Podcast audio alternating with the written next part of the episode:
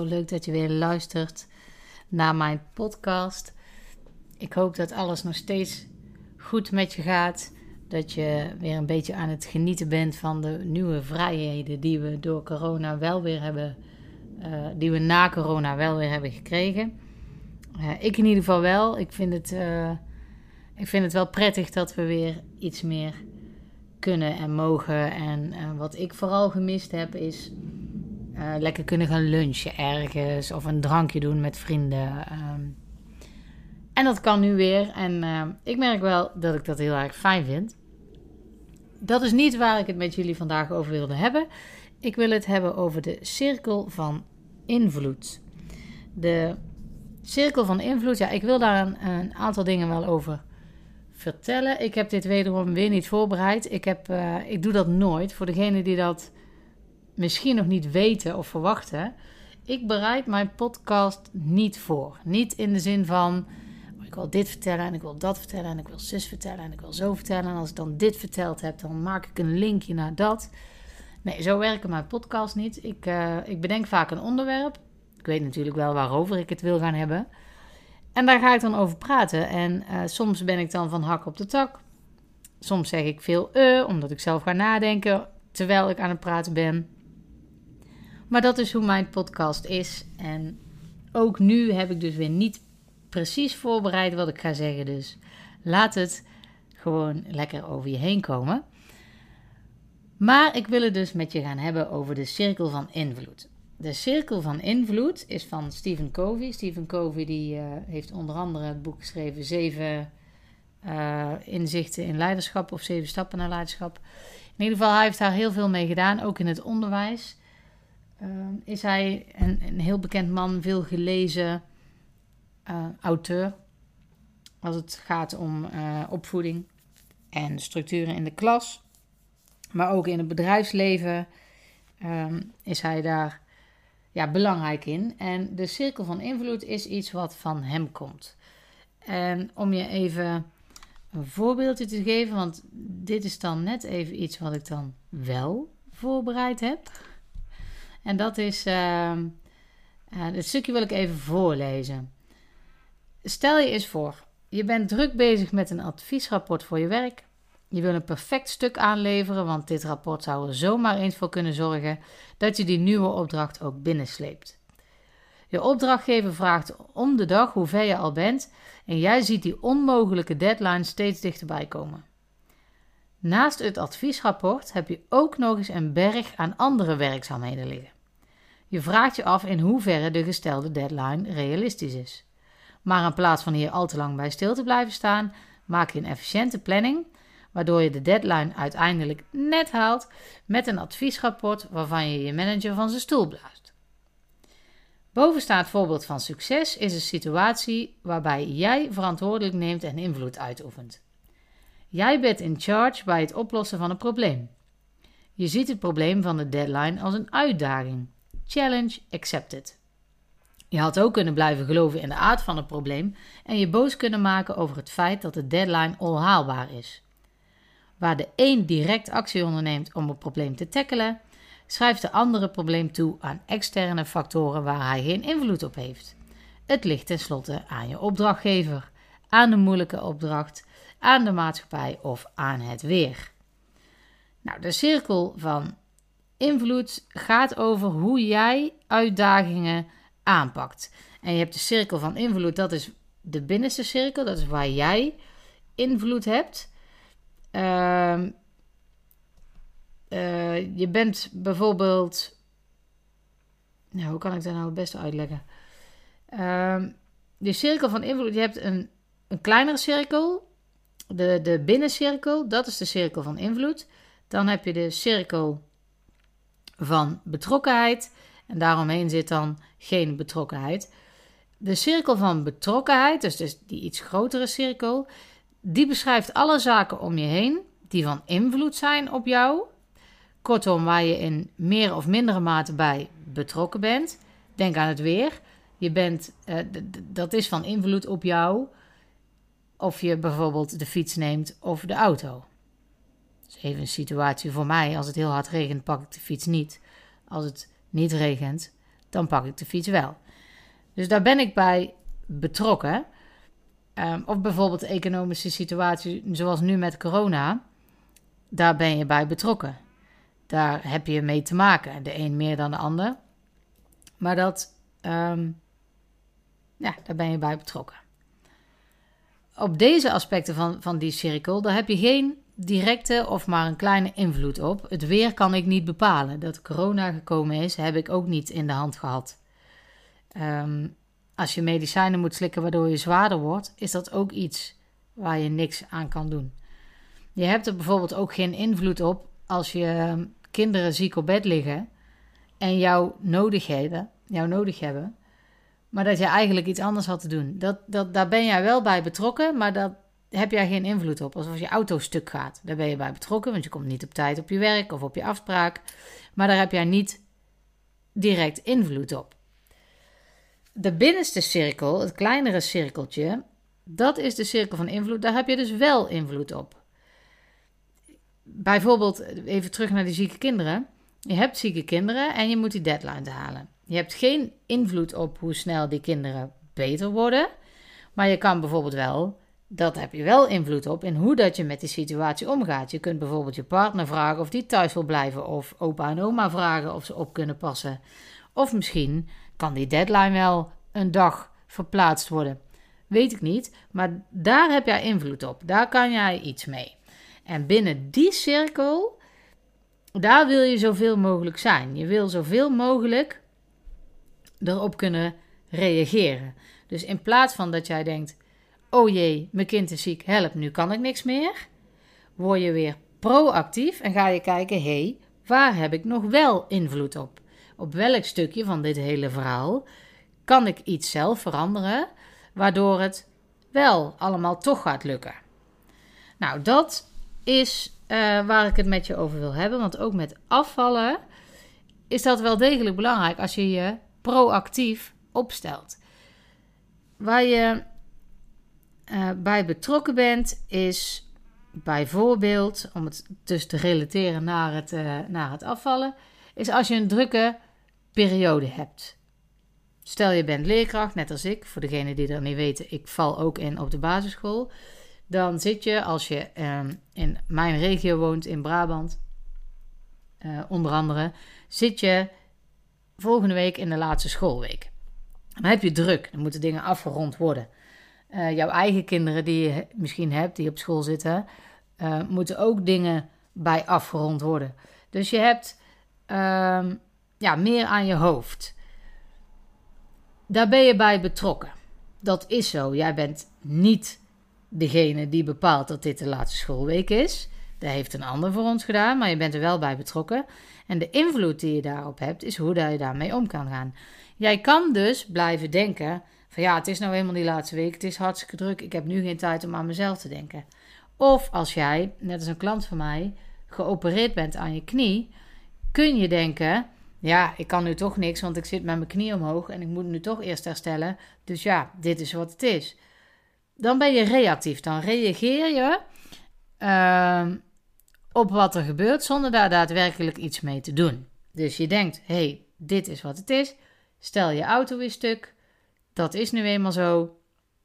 Ik kom niet op tijd op die afspraak. Stel, je hebt een verjaardag waar heel veel lekkere dingen staat. Ja, zie je wel, ik kan er niks aan doen. Dat is nou eenmaal zo, dat maakt het voor mij onmogelijk om af te gaan vallen. Maar je kan ook proactief zijn. En je kan dus ook zeggen: Oké, ik ga dus naar die verjaardag. Wat kan ik daar verwachten? Kan ik misschien van tevoren eten zodat ik geen honger heb en niet in de verleiding kom? Of kan ik misschien uh, van tevoren al aangeven: Nou, ik ga geen taartje eten? Of weet je, dat zijn allemaal mogelijkheden die jij kan toepassen, zodat jij er weer invloed op krijgt. Dan word je proactief. Dan zet je het weer naar je eigen hand, als het ware. Dus proactieve mensen, die richten zich vaak op dingen waar je wel echt iets mee kan. Daar krijg je ook positieve energie van.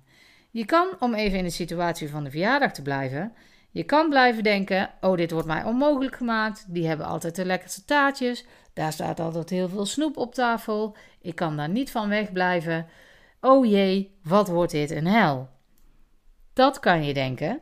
Maar als je proactief bent, dan komt er een positieve energie. Want dan kan je er zelf iets aan doen. Je pakt het weer, zoals ik net al zei, in eigen hand.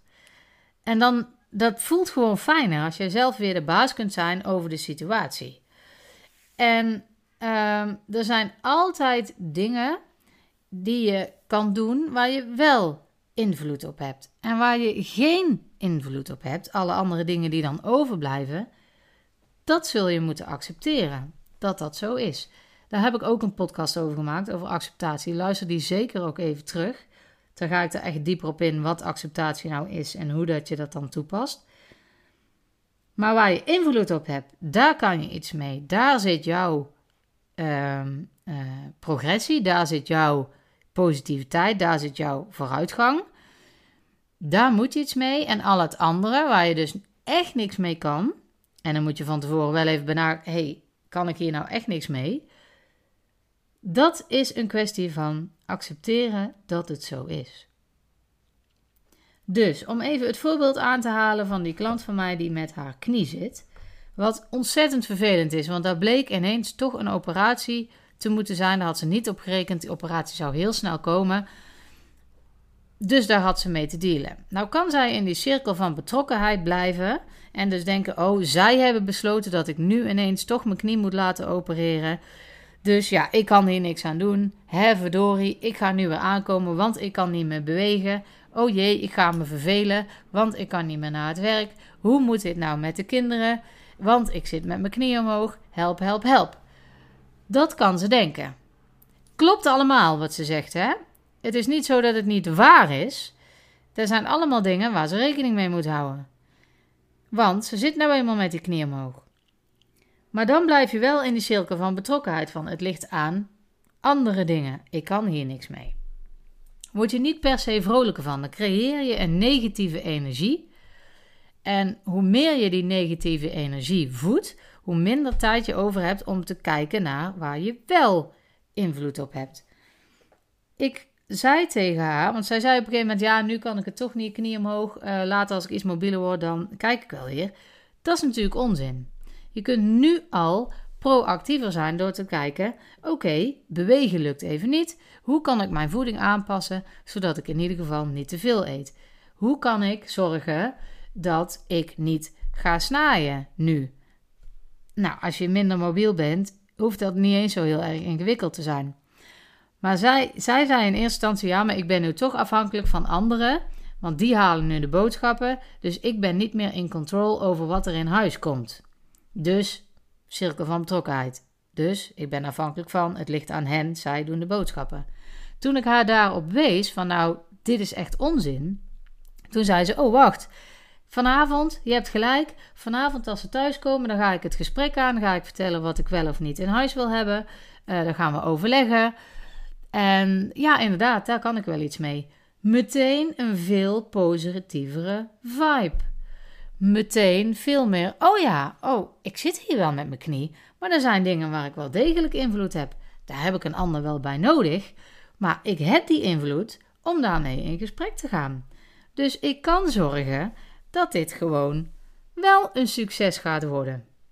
En dat geeft al een heel ander gevoel, nog voordat het überhaupt een succes geworden is. Nog meer voorbeeldjes van hoe die cirkel van invloed op jou werkt en die cirkel van betrokkenheid.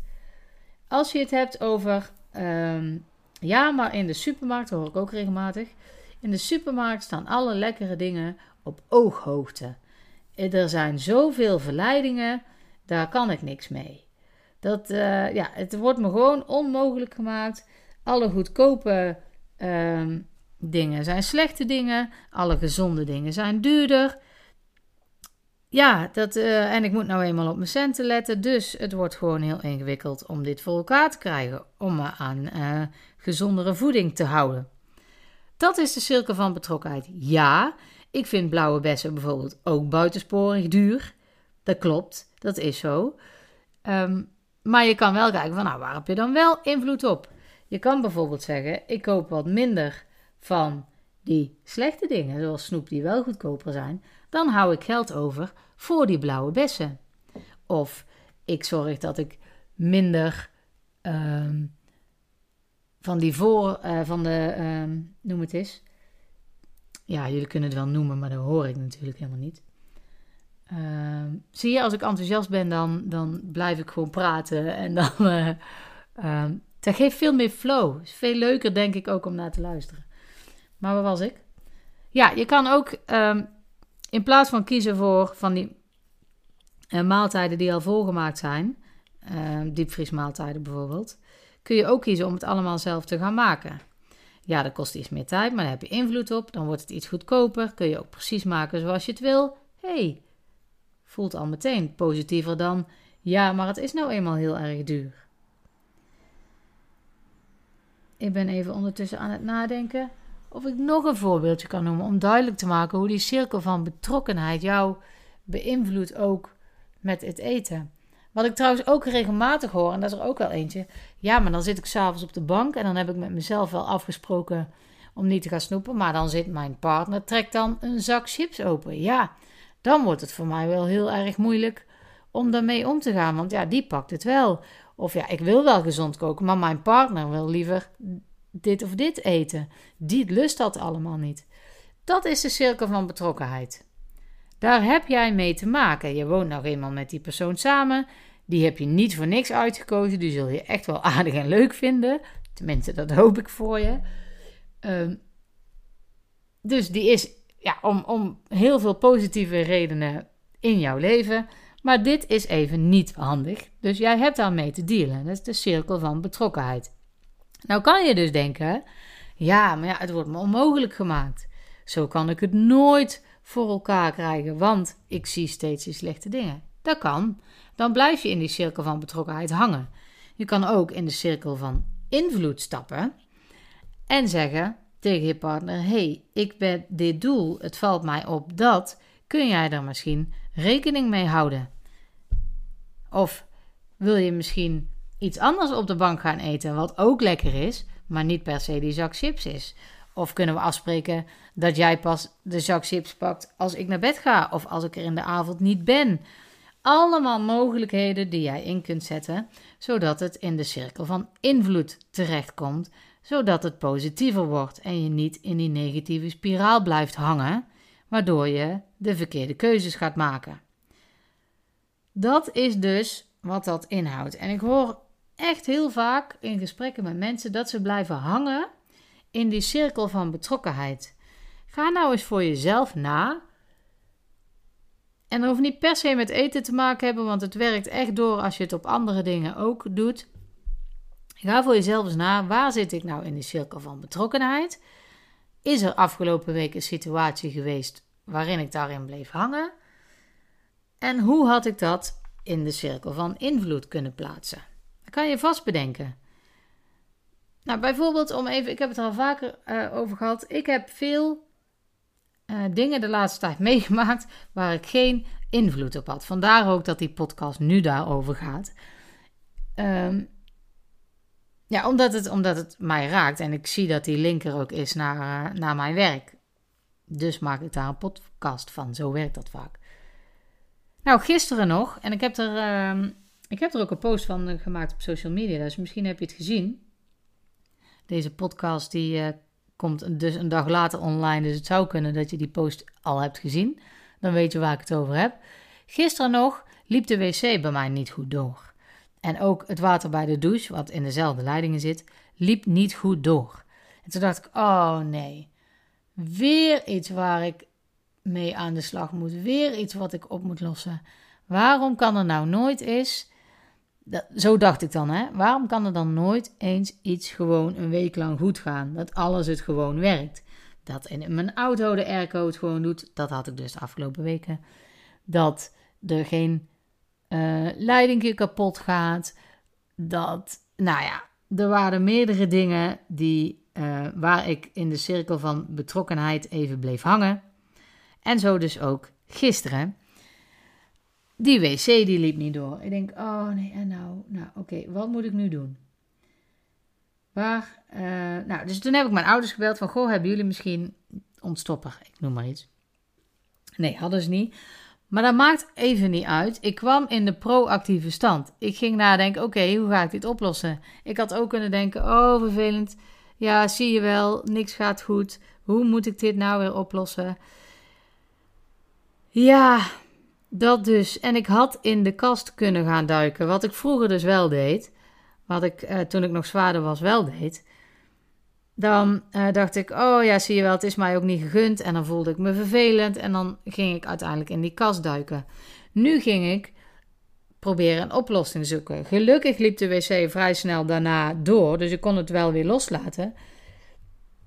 Maar voorheen zou dit dus de hele dag bij mij blijven hangen. Van hé, wat vervelend.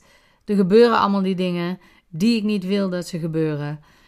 Wat heb ik toch een pech? En daar ben ik niet in blijven hangen. Ik ben gaan denken: oké, hoe kan ik nou zorgen dat ik dat gevoel kwijtraak? Nu had ik sowieso de planning om te gaan hardlopen. Maar nu had ik bedacht: hoe kan ik dit nog fijner maken? Toen heb ik mijn oudste dochter, die thuis zat, gezegd: Nou, weet je wat? Als jij nou gewoon naast mij fietst, dan wordt het een gezellig loopje. Nee, daar heb ik geen zin in. Zal je misschien wel uh, herkenbaar in de oren klinken dat je kinderen niet altijd zin hebben om de dingen te doen die jij graag wilt dat ze doen. Maar toen zei ik, ik zeg, nou, dan weet ik het goed gemaakt. Ik zeg, dan uh, lopen we naar de stad. Dan ga jij gewoon met de fiets naast mij. Dan gaan we daar een ijsje eten en dan gaan we weer terug. Dan heb ik een mooie afstand gelopen. En dan heb jij ook een doel om mee naartoe te fietsen. Ja, zegt ze, maar dan kan jij helemaal niet gezellig kletsen. Ik zeg, dan loop ik op een tempo waarbij we ook nog gewoon kunnen kletsen. Nou, zo, zo gezegd, zo gedaan. En dat was hartstikke leuk. Want het grappige is, zij kletst dan voornamelijk, dus ik hoef niet eens zo heel veel terug te zeggen. Maar ik heb er wel op gelet dat ik iets rustiger liep, dat ik ook daadwerkelijk met haar in gesprek kon. Zij heeft een ijsje gegeten. Hartstikke leuk. Ik was in een positievere sfeer. Ik was die wc weer even helemaal vergeten.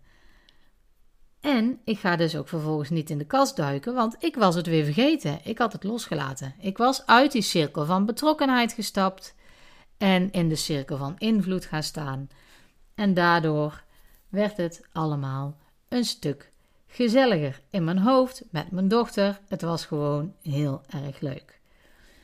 Dus nogmaals, ga voor jezelf eens even na. Wat heb jij de afgelopen week meegemaakt? Hoe ben jij in die cirkel van betrokkenheid beland en hoe heb jij daarop gereageerd? Laat het mij ook weten. Ik vind het super leuk um, ja, om dat te horen van jullie. En um, ja, en als je het ook gaat typen en gaat schrijven naar mij, dan uh, heeft het ook weer een positiever effect op jou. Dus het werkt tweeledig. Nou, dit was over de cirkel van invloed. Ik hoop dat je hier iets mee kan. Ik denk het wel. Uh, het is wel lastig, denk ik, om te zien dat je in die cirkel van betrokkenheid zit. Dus mocht dat nou niet lukken, vraag dan aan je omgeving van... hey, herken jij dit? Leg gewoon uit wat ik jou verteld heb in het kort. Of laat ze die podcast luisteren. En vraag aan ze van, heb ik dit ook gedaan de afgelopen week? Want het kan ook zomaar zijn dat je daar een blinde vlek voor hebt. Het is wel iets wat je moet oefenen. Maar het helpt je wel degelijk. Want als je in die cirkel van invloed stapt, denk maar even terug aan die knie van die klant van mij. Als je in de cirkel van invloed stapt, dan zie je dat er echt nog wel iets te, te regelen valt, zodat je toch gewoon met je doel van afvallen bezig kunt blijven. Ook al gebeuren er dingen in die cirkel van betrokkenheid waar je niet per se invloed op hebt. Dus ga, dat, ga daarmee aan de slag. En ik hoop dat alles goed met je met Sorry, ik hoop dat alles goed met je blijft gaan. En tot de volgende keer. Bedankt voor het luisteren.